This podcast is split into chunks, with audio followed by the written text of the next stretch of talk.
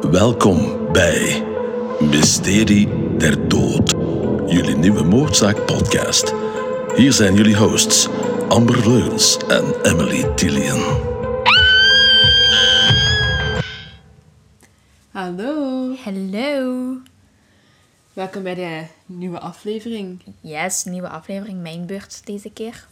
Ja, Ik ben benieuwd naar de aflevering, hoe dat het gaat, eh, hoe dat jullie het gaan vinden, zal ik het zo zeggen. Want ik weet het al, logisch. ben ik ook heel benieuwd, want ik heb er nog niks van gehoord. Ik, Nee. niet, ja, ik ben ook al de naam vergeten, dus... Dat ga je zelfs wel... Ik weet eh, niks meer. Ja. Ehm, voordat we gaan beginnen, ja, inderdaad. ja, bij de vorige aflevering was er een bepaald moment een foutje gelopen en ik weet niet hoe het komt, maar er is een deeltje in het begin weggegaan. En dat was op een bepaald moment ging ik het opzoeken en ik heb het even stopgezet en ik heb het daar tegen aangezet. Ik weet dat zeker. En er, er is iets, Toch iets misgelopen. fout gegaan en er is een stukje weggekomen.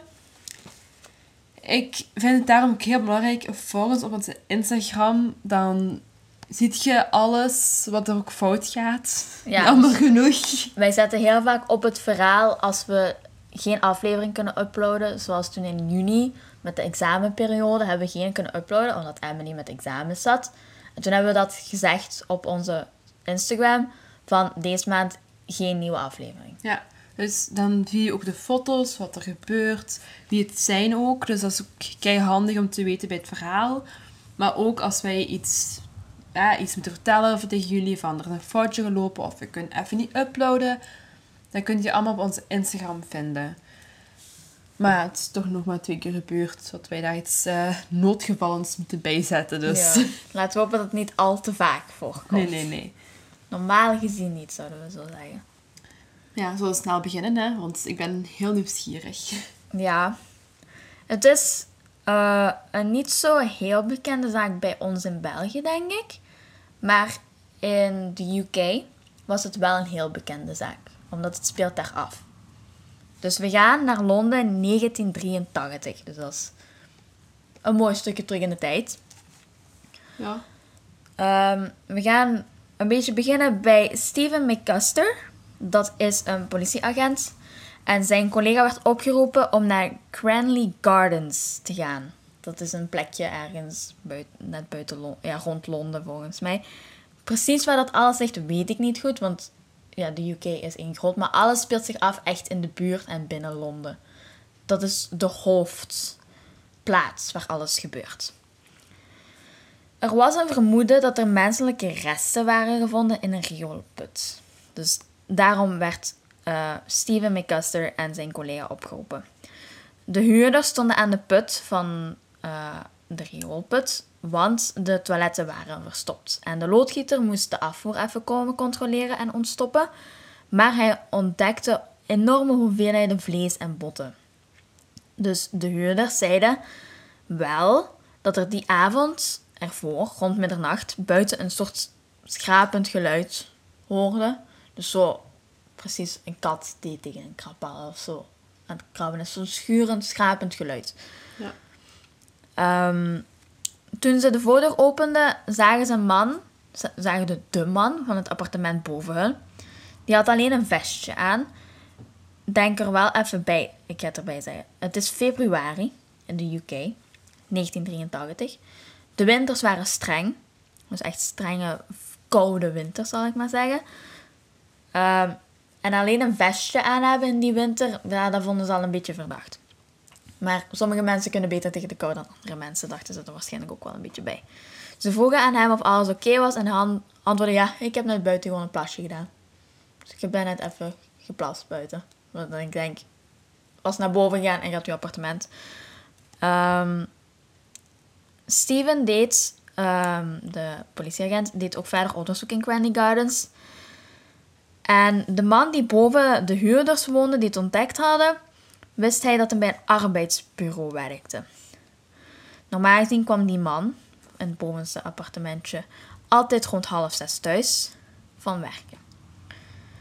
Kan later of vroeger zijn, maar meestal rond half zes. Dat, was, dat wisten de buren ook, die is altijd rond dat uur thuis, als zij thuis waren. Ze ontdekten dat de botten in de afvoer inderdaad menselijk waren, dus van een menselijk lichaam. En het stuk vlees dat ze gevonden had wurgsporen. En eh, ze zagen de man die boven hem woonde op straat lopen. En hij was heel kalm. En, uh, ga ik ook even bij zeggen. Er waren audiostukken van de moordenaar. Van dat lichaam. Van die persoon. En die audiobericht heb ik ook heel vaak erbij gezet. Omdat ik vind dat ook belangrijk om te, want, om te horen wat die te zeggen heeft. Wat hij heeft geëxperienced met dat moment, op dat moment. Ja. Snapte? Ja, ja. Dus ja, dat vond ik wel belangrijk om erbij te zeggen. Zij zegt: Toen ik in Cranley Gardens aankwam, wist de politie niet echt wat te doen. Ze ondervroegen me voorzichtig en om de hoop om informatie te krijgen over de monsters van het menselijk vlees die werden gevonden in de afvoer. Um, Nielsen is de achternaam van de man die boven hem woonde. Zij toen op een gegeven moment vreemd dat politiemannen of politieagenten met, de, met me komen praten over mijn afvoer, maar hij liet de politieagenten wel binnen. Ze gingen naar het zolderappartement en zodra hij de deur opendeed, kwam de geur op je af. De politie herkende de geur en zeiden toen: Voor de draad ermee, dus breng het gewoon naar buiten. Um, waar is de rest van het lichaam? En hij keek hen aan en wees naar de kast. En toen ze de kast openden, stonden er twee grote zwarte vulzakken in. De politieagent pakte hem bij zijn kraag en zei dat hij werd gearresteerd voor verdenking van moord. Op terugweg naar het politiebureau in de auto zat Steven van achter naast Nielsen. En er zat hem iets dwars. Er stonden twee vuilzakken. Die waren enorm. Uh, Nielsen, audiobericht. In de auto op weg naar het politiebureau werd me gevraagd: Gaat het om één of twee lijken? Ik antwoordde met 15 of 16. Oh. Toen viel de frank, of de munt, bij de politieagenten. Dit is een seriemoordenaar. Again, audiobericht. Ik ga het er altijd bij zeggen, want anders is het heel confusing. Ik liep door een lange gang met mijn begeleider en ik zit in de eerste zaal aan het einde van de rij. Ik ben daar neergezet in deze verouderde kamer met een bankje en een ruw rechtopstaand klein tafeltje. Ik ga zitten en steek een sigaret op en pauzeer. De politie wist natuurlijk niet of wat Nielsen zei, of dat echt waar was. Ik kon ook gewoon bluffen, natuurlijk. Ja. Dat is altijd mogelijk. Weet je ook als dat zo al door meerdere mensen zoeken waren naar die moorden, die andere moorden of? Nee. Ah, ze wisten nog, ik noem niks, wisten nog niks. Ze wisten nog niks. Oh. Alleen omdat hij zei 15 of 16, dachten ze van... Oei, shit. Dit is niet goed. Ja. Maar de rest, dat, het wordt nog duidelijk. Ah, het begin is een beetje onduidelijk. Maar het wordt nog duidelijk. En ehm, ja, ik ga niet te veel verklappen. Ja. Dus de politie wist natuurlijk niet of wat hem zei waar was. Ze konden hem ook maar voor 48 uur in hechtenis houden. Als je geen streng bewijs hebt, mocht je hem laten gaan na 48 uur. Dus ze moesten echt alles uit hem proberen te halen in die 48 uur. Maar je wilt hem niet onder druk zetten, want dan kan het zijn dat ze niet meer willen praten. Dat is waar. Nu gaan we terug even naar een audioberichtje. Op mijn hoede voor de verwachte lange reeks vragen verraste ik de recherche door te zeggen dat ik ze alles zou vertellen. Nielsen, de verdachte, bleef maar praten. Hij vertelde precies wat er was gebeurd. Hij ging een café in, praatte met iemand, nam ze mee naar zijn flat. Ze dronken, luisterden naar wat muziek. De volgende ochtend werd Nielsen wakker en er lag een lijk naast hem. Toen we verder vroegen, zei hij dat hij niets herinnerde. Hij wist geen enkele naam van zijn slachtoffers. Hebben die aan iemand denken die we al gehad hebben. Ehm, Jeffrey Dahmer, toch? Ja, dus als je, als je zelfs meer gaat weten, gaat je ook een beetje linken daaraan. Want sommige dingen zijn wel een beetje hetzelfde. Ja, zoals die, bij die jongen Die hij eerst op een bar uithaalde en daarna... Ja, bar en die route met uit. Ja. Ja. Maar het gaat allemaal... Ja, toen dat ik verder en verder aan het opzoeken was en aan het kijken was, dacht ik ook van... Dit heb ik precies al Het eens ging zo'n gehoord. flashback dat ik hier Ja, zat met flashback, Jeff- Jeffrey ja. Dahmer en in één keer... Huh, dit ken ik al. Ja, ja, dit was echt even flashback, precies. Ehm, dus even audiobericht terug. Ik wilde alle vragen beantwoorden, zei Nielsen. De vraag was: Waar heb je deze mensen ontmoet? Where did you meet these people? Het antwoord was: A pub, een café. Ik dronk pint na pint, we wandelden naar Cranley Gardens, we dronken en luisterden muziek. Volgende ochtend werd ik wakker en hij had een stropdas om zijn hals. Nummer 4, want ze wisten geen enkele namen, dus de slachtoffers hadden momenteel even nummers. Nummer 4. 1 meter 73 lang, lichte krullen, tatoeages. Dat was zijn beschrijving. Op een gegeven moment ging hij meer in detail. Dat zegt hem ook zelf. Ik ging in detail. Nummer 7. Ongeveer 1,75 meter. Eerste stem. Stem. Dan zegt hem weer sterker nog. Nummer 10. Bleek, leeg, ingetogen, mager. Audiobericht. Geen andere Britse moordenaar is zo openhartig geweest in het, in confronteren van zijn beledigende gedrag dan ik. Nummer 12. Bruin haar, 25, 30 jaar, tweedehands kleren. Nummer 13. 27, 28 jaar, ex-bewaker. Hij gaf weinig informatie, maar het waren vooral jonge mannen. Maar de vraag is dan, hoe kan iemand 15 mensen vermoord hebben in een plek als Londen? Londen is een drukke stad. Ja. En hoezo zijn die nog niet vermist? Ja, dat komt je zelfs te Oh. weten. je mocht vragen stellen. Ik ga ze niet Ja, maar- allemaal kunnen beantwoorden, want het, heel veel gaan nog beantwoord worden.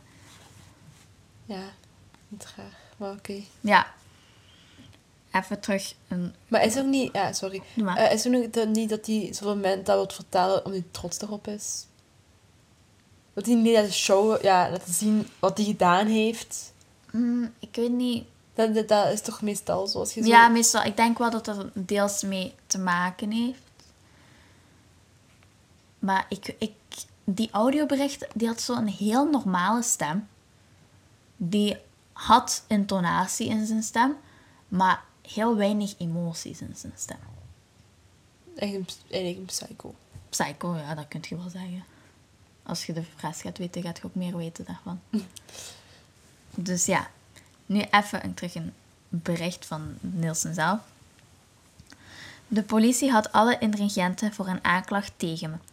Dit zou de hele zaak onder de bescherming van de rechter plaatsen en buiten bereik van de sensatiebeluste media. Dit werd de grootste zaak in hun carrière en om hun eigen plek in de professionele schrijnwerkers te versterken, zorgden ze ervoor dat het hele land ervan wist toen ze aan het ontbijt gingen zitten. Voor wat? Dus de volgende ochtend dat hij werd opgepakt, begonnen ze over, stond er in de kranten over moorden in Granny Gardens, menselijke resten gevonden. Het begon de kranten te halen. Is het puur voor hun, ja, hun geweten? Ja, ik weet het, ik snap het er zelf ook vrij weinig van. Maar als de pers zich gaat bemoeien, dan is het te menens. Dan, die pers die blijft pushen, hè. Die stoppen niet totdat ze een verhaal hebben. Dat snap ik ook, want dat is uw carrière. Dat is uw leven. Je moet zorgen dat je een verhaal hebt. Dus die blijven pushen totdat Ah, ja. ja. ze iets hebben. De politie vond de rest van drie lijken, resten van drie lijken in Cranley Gardens. Ze vroegen hem waar hij de andere heeft vermoord. Mijn geheugen haalde het feit terug dat ik er drie vermoorde in Cranley Gardens en de andere op Melrose Avenue 195. Nelson vertelde de politie over zijn verdwijningsmethode van de lichamen in Melrose Avenue. Ik legde de lijken onder de vloerplanken, maar uiteindelijk ging het stinken en rotten en kwamen de maden. Och, gezellig. Ja, dat vind ik nu net niet. Sarcasme zegt. Op een moment was er geen ruimte meer onder de vloer en lagen zoveel lijken. De buurvrouw zei ook op een gegeven moment dat ze zich herinnerde dat hij kampvuren maakte. Hij verbrandde ze in de achtertuin en toen ze verkoold waren, verspreidde hij ze over de tuin en begroef ze. Niemand heeft ooit een klacht ingediend. Oké. Het is raar, maar oké. Op een gegeven moment vraagt Nielsen aan de politie: Heb je de rest van het appartement doorzocht? Nielsen zei dat ze naar een theekist moesten zoeken en we vonden meer lichaamsdelen. Ze brachten het naar een mortuarium. Een van de stukken vlees was een arm met een hand. We namen de vingerafdrukken van deze hand en waren verbaasd dat er een match was. Steven Sinclair. Hij stond in het politiedossier omdat hij in de problemen zat voor kleine strafzaken.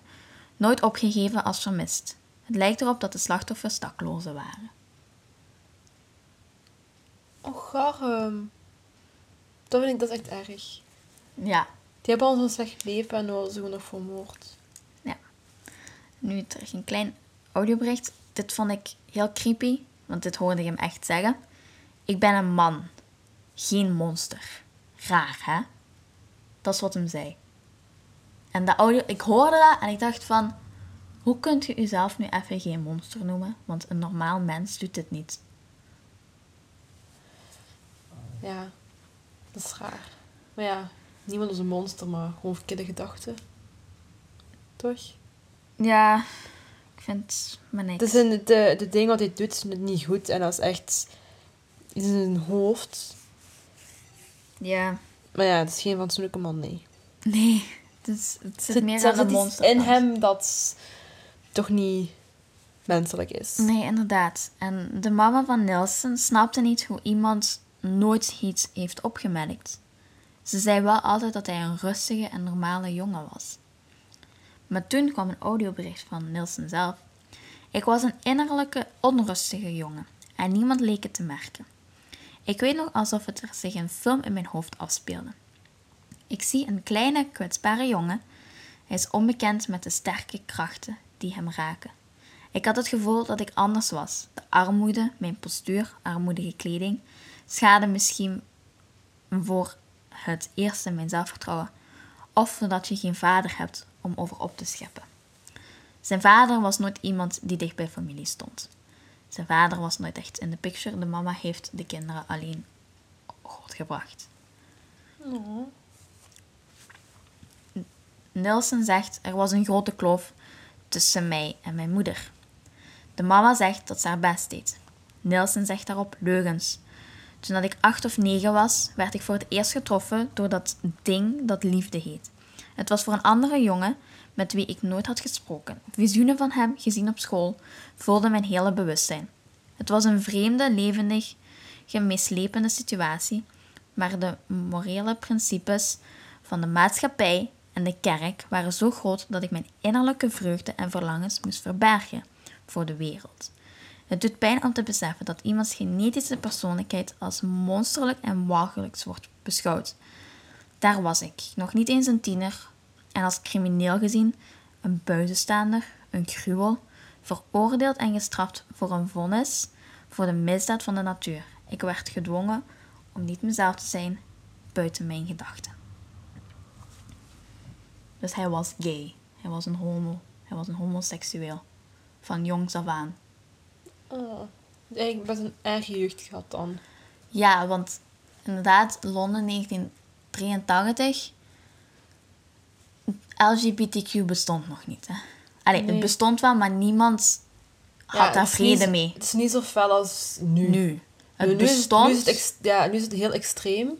Nu hebben meer mensen er vrede mee. Ja, nu- vrede mee. Ja, nu kunnen mensen ermee omgaan en iedereen mag zijn wie ze zijn. En Ja, vroeger was dat nog totaal Nee. niet. totaal niet. En het is wel goed dat dat nu veranderd is, maar hoe erg het kan zijn voor iemands leven, dat vind ik zo erg dat niemand dat eh, heeft geaccepteerd vroeger in het verleden. Want nu is hij geworden hoe hij is, een grote kans door dit. Mhm, ja, En als hij gewoon zijn liefde kon laten tonen op, op zijn manier, was het misschien nooit gebeurd. Dat is zo erg dat nooit echt sport, sport is door andere mensen. dat kan, dat en kan is niet lang geleden eigenlijk, hè? Nee, dat is Want je moet heel lang denken, geleden. ja. Dat is, ja, van 81. Ja, dat is nog maar meer dan 38 jaar geleden of zo. Ja, dat is nog niet lang geleden. Nee, het, is- Ja. het is echt... Het is echt nog niet lang geleden. Het is, ja, Veel is veranderd en is ook beter nu. beter veranderd. Ja. Niet slecht veranderd op dat vlak. Op sommige vlakken wel, maar niet op dat vlak. Nee, jammer genoeg. Ja, wacht wat. Goed genoeg dat dat veranderd is. Jammer Ja. dat dat vroeger niet veranderd was. Inderdaad. Terwijl de politie meer info vroeg, zei Wilson dat hij de meeste in homobars waren gevonden. Natuurlijk ben ik homoseksueel, maar ik hou mezelf voor mezelf. Maar Dus hij houdt zichzelf voor zichzelf. Dus hij bracht niet uit dat hij homoseksueel was door de maatschappij. Het meeste ging hij naar West End van Londen. Iemand van het persbureau zei: Dit is een goed verhaal, maar het is nog beter omdat hij een van ons is. Nielsen was een ex-politieagent. Wacht, de moordenaar is een ex-politieagent. Zo heb ik het toch begrepen. Het was heel ingewikkeld, maar hij was ex-politieagent. Dat is niet goed. De politie ging rondvragen in de bars. Er was één man, John the Guardsman.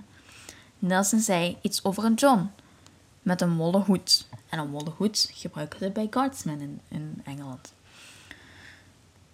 John the Guardsman was in het gebied bekend als een huurjongen. Was een huurjongen? Wat denk je zelf? Oké. Ik vraag het maar. Als je het niet weet, geef ik je heel Dat, graag dat is toch eh, zoals, zoals vrouwen... Vrouwen, prostituee. Ja, man, dat was, dat was oké. Dat was in een gay... Was dat was voor vrouwen of was het voor mannen? Kijk, huurjongens waren soms gay, soms niet. Maar ze deden het gewoon voor het geld, zoals de meeste Ah. prostituees. Dus het, wil- het zou niet zeggen of ze gay waren, ja of nee. Het bracht hun geld op, dus ze deden het. En John the Guardsman was een van hen. Maar John the Guardsman, dat is een nickname. Ze gebruikten nooit hun echte naam. Slim. Dus John was John Howlett. Hij was zelf van huis weggelopen en de moeder had er vrede mee dat hij gestorven was. Want zij zelf is weggelopen. Ze dacht dat de man, hij was aan de drugs bezig en al die dingen. Dus de moeder had er vrede mee. Vrede nu ook weer niet echt, maar ze wist dat het eraan zat te komen op de manier hoe dat hij leefde. Ja. Nu gaan we even naar een verhaal van iemand. Ik heb niet alles tot in de detail opgeschreven, maar ik heb wel de grootste dingen opgeschreven. Anders wordt het veel te lang. Het was een gewone avond en ik zat in een casino. Ik zag hem in de weerspiegeling van een gokmachine. Ik ging uiteindelijk met hem mee naar zijn thuis. Hij liet me zelfs de tuin zien, in Melrose Avenue. En, ik, en hij dronk Bacardi terwijl dat we praten. En daarna gingen we naar bed. Rond twee uur later werd ik wakker. Ik opende mijn ogen en ik zag rook voor mijn ogen. En hij zat zwart voor mij. Ik duwde hem weg. Ik zei, wat gebeurt er? Hij zei, je sloeg het vuur van de muur. Dus het, het verwarmingdingske had hij omgeslagen. Hij pakt, dus de man, ik pakte mijn water, goot het over de vloer en ging weg. Het klopte niet, want het was een warme avond. Dus ik besefte mij op een gegeven moment dat hij mij ging vermoorden. Waarom is hij daar geen klacht gaan indienen? Omdat hij met een man was gaan slapen. Homoseksualiteit God. was niet serieus genomen. In Kon je die ook tijd, niet gewoon zeggen dat je, dat je bij je beste vriend in gaat of niet? dan nog. Dat, dat je getageerd was of zo? Dan nog. Nummer 14 was Graham, een getrouwde man met een kind. Dus niet alle mannen die hij vermoord had, wat ze eerst wel dachten, waren daklozen. Sommigen waren niet eens gay, sommigen hadden een huisje, sommigen hadden een vrouw en een kind. Zoals Graham. Ehm, de vrouw van Graham heeft ehm, haar verhaal gedaan in de documentaire. Ik heb dat niet opgeschreven, omdat ik vind dat je dat zelf moet zien als je het echt zelf wilt zien. Want ze vertelt nog meer details. Bijvoorbeeld dat eh Nielsen de man had vermoord. Twee dagen op een stoel had gezet. Dan als hem thuis kwam de tweede dag had hij hem naast met hem in de zetel gezet voor tv te kijken. Op een gegeven moment heeft hij hem uitgekleed, naakt. Tot compleet naakt. Bedekt in babypoeder en zo baby, ja, babypowder. En masturbeerde terwijl. Ach, Dus als je daar meer wilt weten, zou ik aanraden om die documentaire te kijken. Je gaat heel veel informatie dat ik nu gezegd heb, gaat je vandaar weten. Maar ik vond het zo aangrijpelijk dat ik bijna aan het wenen was. Van hoe dat die vrouw daarover vertelde, de zoon. maar ik kan eventueel een stukje... Ja, bijvoorbeeld. Dat, zal- kunnen we, zal, dat eh, gaan we proberen te regelen. Ja, we proberen te regelen op het einde van het eh, podcast. Zal Ja. ik een stukje van die ding opzoeken en dan erbij dat zetten. kunnen we wel doen, ja. dat je want- dat even kunt horen. de zoon heeft ook gepraat. Die heeft niet... De, de mama heeft veel meer gepraat, omdat zij... Zij was ouder. Die, die zoon was nog maar... Pak rond de acht jaar of zo. Ik weet ook niet hoe oud dat hem was. Stond, zeiden ze er niet bij, volgens mij. Maar... Dat was heel aangrijpelijk. Omdat... De journalisten kwamen bij haar deur en zeiden... Wist je dat allemaal daklozen en homo's waren? En zij zei nee. Mijn man was getrouwd met mij. En hij heeft een kind. En hij woont hier. Dus het Maar waren waar- niet allemaal vraag je, daklozen. waar had hij dat gedaan? Bij, bij hun thuis? Nee, bij zijn thuis. Ah. Hij doet alles bij zijn thuis. Ja, hij pakt de mannen mee naar zijn thuis, vermoordt hun daar. Ah, oké, ja, ja. Op het begin Melrose Avenue en dan later Cranley Parks. Gardens. Parks, kom ik daarop. ja. Cranley Gardens. Op een gegeven moment zeiden ze ook dat Nelson en zijn grootvader, zijn opa, heel close waren. Waar dat de opa naartoe ging, ging Nelson ook altijd mee. Grootvader stierf plotseling toen dat ik vijf was. Dus hij was heel jong toen dat zijn opa was gestorven. Ze praten heel veel over de band die hij had met zijn opa. En het was een open kist, de begrafenis. En op een gegeven moment vroeg Nelson... He always took me everywhere. Why couldn't he take me with him to there? Dus hij was heel emotioneel. Hij... Op een gegeven moment zei hij zelf ook... Ik zag het verschil tussen liefde en dood niet meer. Ik begon dat samen te mengen. Omdat zijn opa was overleden. Maar hij had wel nog altijd liefde voor hem. Dus zo psycho was die soort van... Hij begon liefde en dood te vergelijken. Ja, ja. ja, op verkeerde manier. Ja, Dat is normaal met liefde en dood. Ja, ik heb pas een hond. Met dat soort dingen. En ja. ik heb nog steeds, ik heb nog ik heb steeds er nog liefde voor. liefde voor. Maar, Maar ik niet op de manier hoe dat Nee, ik ga niet nu honden, honden vermoorden om... Nee, inderdaad. Om het, ja... Nielsen. Maandagochtend 24 oktober.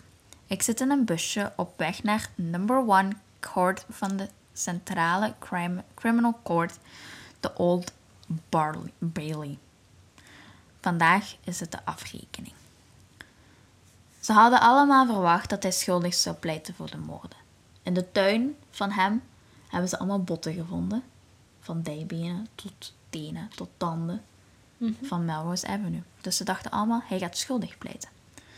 Als hij schuldig is, zou er geen proces zijn. En dat zou de pers natuurlijk niet leuk vinden, want dan hebben ze geen verhaal. De judge spreekt het uit, not guilty. Nog wie? De jury en de, de hoofdzaak, ja, de bovende, Zegt dat hij not guilty. niet schuldig is. Ja, Aan al die feiten. ja. Dus er komt een zaak. Ah. Dus eigenlijk is dat wel goed. Niet goed.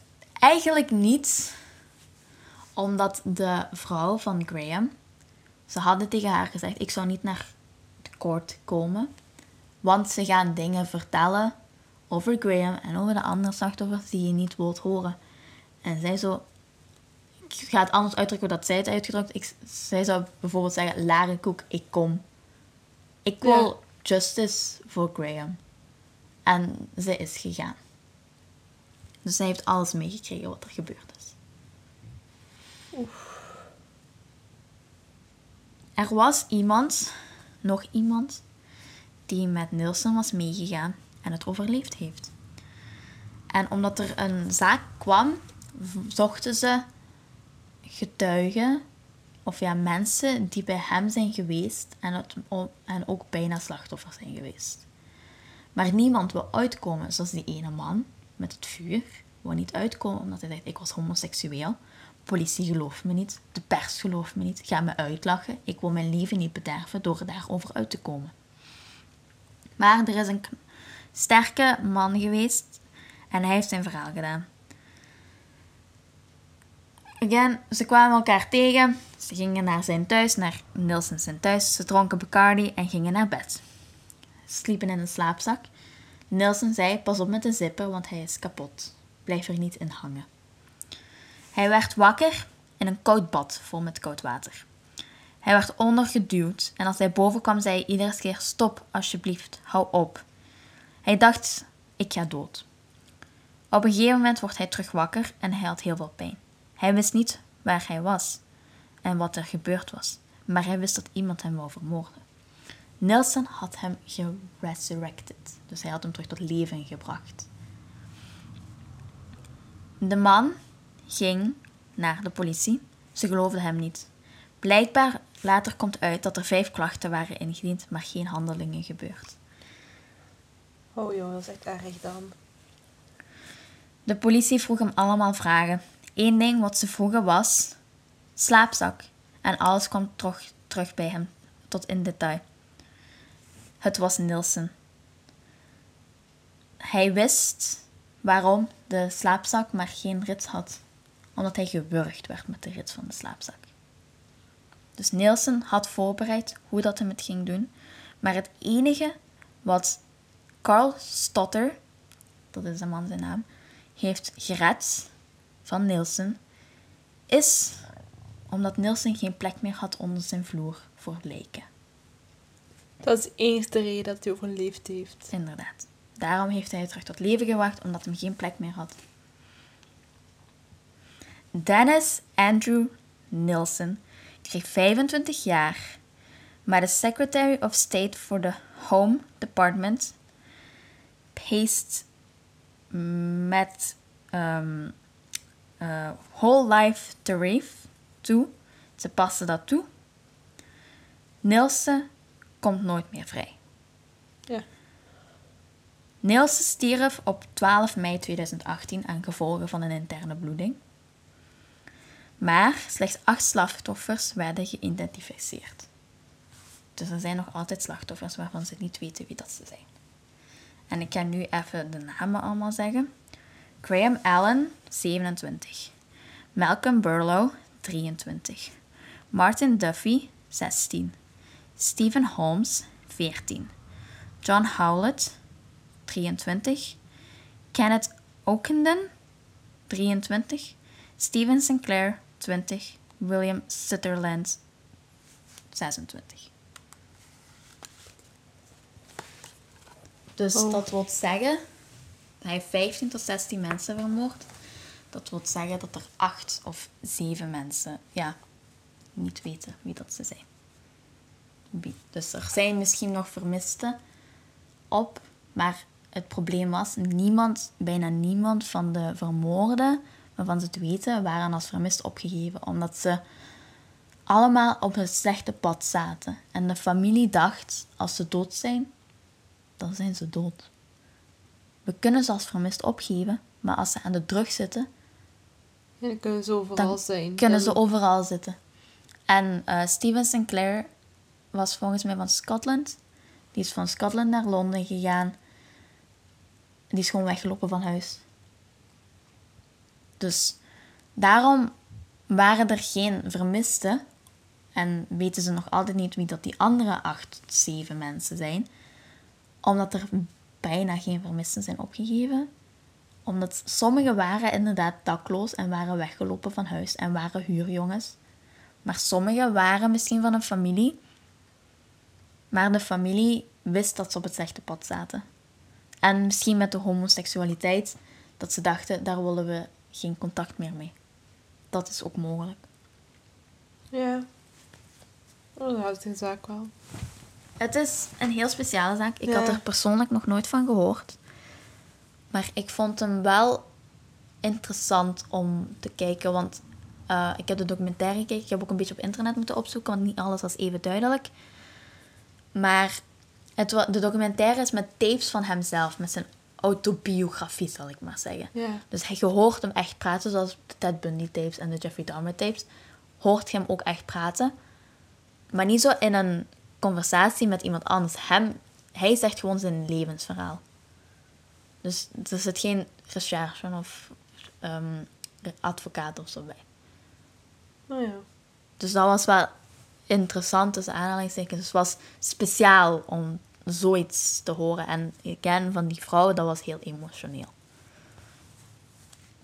Ja, Dus- die, we. Ja, die gaan we echt proberen. eh, Ja, maar het is vorige keer ons ook gelukt met die Ja, dus dingen. normaal gezien, als we de aflevering afronden, ga je nog een klein stukje horen, hoop Ja, ik. dan gaan we nog een stukje laten horen daarvan. Ja, Ja, dat is een speciale zaak. Ja heel speciaal. Vind ik Ja. wel een goede zaak. Interessant. Ja, het was heel speciaal. Niet zo ver van huis, hè, want het is in de UK, in Londen gebeurd. Ja, ver genoeg. Ja, het is ver genoeg, maar het is nog altijd tamelijk dichtbij. Ehm, ja, ik weet ook niet goed wat ik ervan moet denken, maar er was ook een moment, zoals bij Jeffrey Dahmer, dat ze aan het proberen waren om als een psychopaat te laten uitkomen, zodat hem in een instelling of zo zou worden gezet. Maar de jury heeft besloten, geen psychopaat, gewoon moordenaar dus met goed weten wat hem ging doen. Ja. Dus het is speciaal, maar ik vond het wel een goede zaak voor de podcast. Ja, dat is een keer iets, iets anders. Ja, Maar is ook heel veel vergelijkingen... Ja, wat ik wat we al zei, heel veel vergelijkingen met Jeffrey Dahmer. Had ik heel fel hiermee. Zo een paar keer dat er precies zo, toch al zo dingen terugkomen van... Ja, gay zijn, ook mensen terug vrijlaten. Had hij ook een keer gedaan. Toch, Jeffrey Dahmer? Ja, die had Ja. keer een jongetje. ja, Dus zo ziet je wel dat eigenlijk... Toch wel veel dingen op elkaar beginnen te lijken. Ja, zeker. Uiteindelijk, ook al Jeffrey Dahmer is later opgepakt dan eh, Dennis Nielsen. Ik heb speciaal alleen de volledige naam van Nielsen op het einde gelaten voor zo'n beetje dramatisch effect. maar Dennis Andrew Nielsen is zijn volledige naam. Ehm, maar inderdaad, het is pak acht jaar voordat Dahmer is opgepakt geweest. Maar er zijn wel vergelijkenissen van hoe de moord is gebeurd en al die dingen. Dat is totaal anders. Jeffrey Ja, Dahmer ja. werkte totaal anders. Maar het waren, again, homo-bars en homo-mensen. Niet allemaal waren per se echt homo-homo. Maar het was wel in homo-bars grotendeels opgepikt. Ja, Zoals Jeffrey Dahmer deed. Ja, en dan nog gewoon het zetten vrij aan en naar huis pakken en ja, en dan eerst goed behandelen en daarna gruwelijk vermoorden. Ja, ja dat deed Jeffrey Dahmer ook. Hè. Het Allee, is... Gelukkig niet opeten dan tenminste. Nee, inderdaad. Het is heel, heel speciaal verhaal. Want ook als je zo kijkt, hij heeft drie mensen vermoord in Cranley Gardens. En de rest heeft hem allemaal vermoord in Melrose Avenue. En heeft daar mensen gewoon in het vuur gestoken, laten verbranden, verkolen en dan gewoon zitten begraven. En de onderzoeksteams, die hebben letterlijk met zeven de grond eruit gehaald. En zo zitten zeven voor die botten eruit te halen. Hè. Veel werk dan, hè. Die zijn er heel lang mee bezig geweest. En de politieagenten zeiden ook, we vinden heel veel kleine botjes terug. Omdat, ja, dat verkoolt ook grotendeels mee, veronderstel ik, botten. Ik denk niet dat dat heel... Als dat zo lang in vuur ligt, denk ik dat dat ook wel een beetje gaat... Ja, ja dat, dat, dat gaat ook al een beetje dan. En... Dat vergaat ook, inderdaad, want... Het, ik weet niet op een span van hoe lang dat die lichamen daar al liggen, hè. Dus maar ze hebben een dijbeen gevonden gehad van 13 of 15 centimeter ongeveer. Dat was een van de grootste stukken botten die ze hadden gevonden. Jammer eigenlijk, hè. Ja, Dan gaan we naar ons dom weetje. dom weetje, ja.